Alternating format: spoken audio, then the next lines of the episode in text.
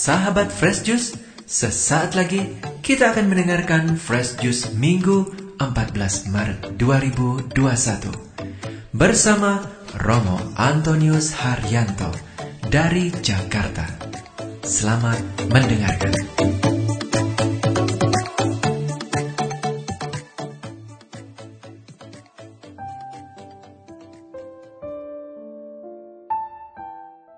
Bapak Ibu saudara-saudari dan teman-teman muda yang terkasih, apa kabarnya? Semoga Anda baik adanya, selalu sehat. Tuhan memberkati semuanya dan shalom untuk Anda semuanya dan pada kesempatan ini hari Minggu 14 Maret 2021 kita memasuki masa Prapaskah, Pekan Prapaskah yang keempat atau juga disebut Minggu Laetare. Bacaan permenungan kita diambil dari Injil Yohanes bab 3 ayat 14 sampai 21. Sekali peristiwa Yesus berkata kepada Nikodemus yang datang kepadanya pada waktu malam, sama seperti Musa meninggikan ular di padang gurun, demikian juga anak manusia harus ditinggikan, supaya setiap orang yang percaya kepadanya beroleh hidup yang kekal. Karena begitu besar kasih Allah akan dunia ini, sehingga ia telah mengaruniakan anaknya yang tunggal, supaya setiap orang yang percaya kepadanya tidak binasa, melainkan beroleh hidup yang kekal. Sebab Allah mengutus anaknya ke dalam dunia bukan untuk menghakimi dunia, melainkan untuk menyelamatkannya oleh dia. Barang siapa percaya kepadanya, ia tidak akan dihukum.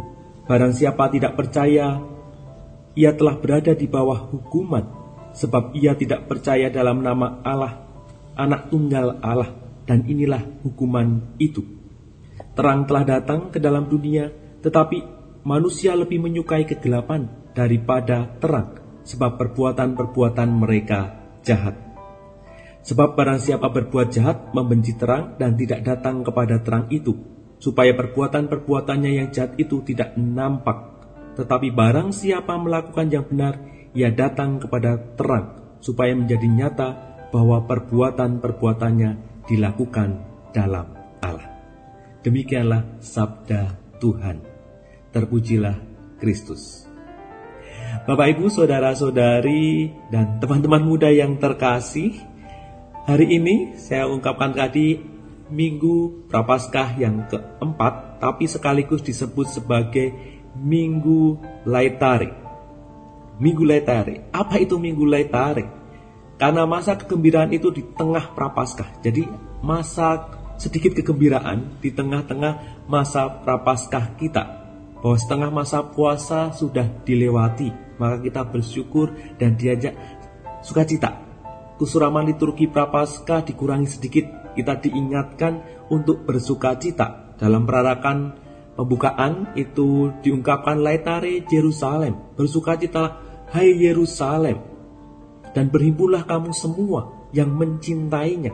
Bergembiralah dan bersukacitalah, hai kamu semua. Dan warna liturgi pun diperbolehkan, diperkenankan di minggu ini untuk menggunakan warna muda atau pink atau warna rose. Bahkan zaman dulu itu saling memberikan mawar satu sama lain. Bahkan di abad ke-10 itu ada pemberkatan mawar.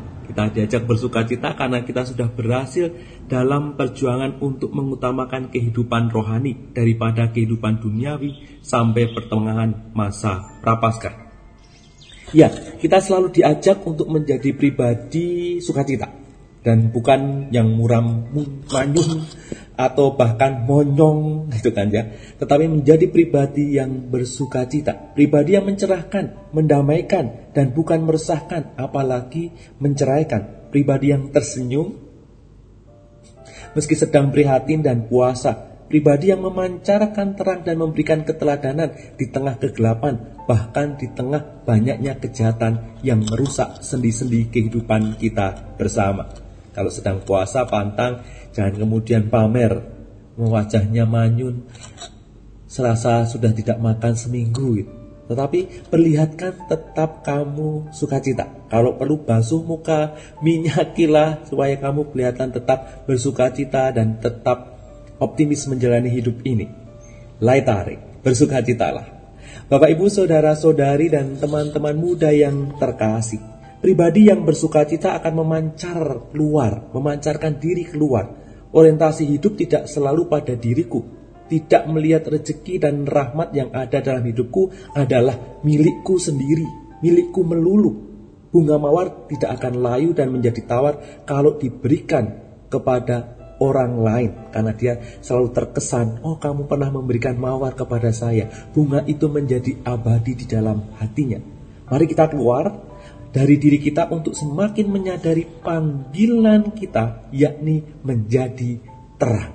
Kita dipanggil untuk menjadi terang, menjadi anak-anak terang. Terang itu telah datang dalam dunia, tetapi manusia lebih menyukai kegelapan daripada terang, sebab perbuatan-perbuatan mereka jahat.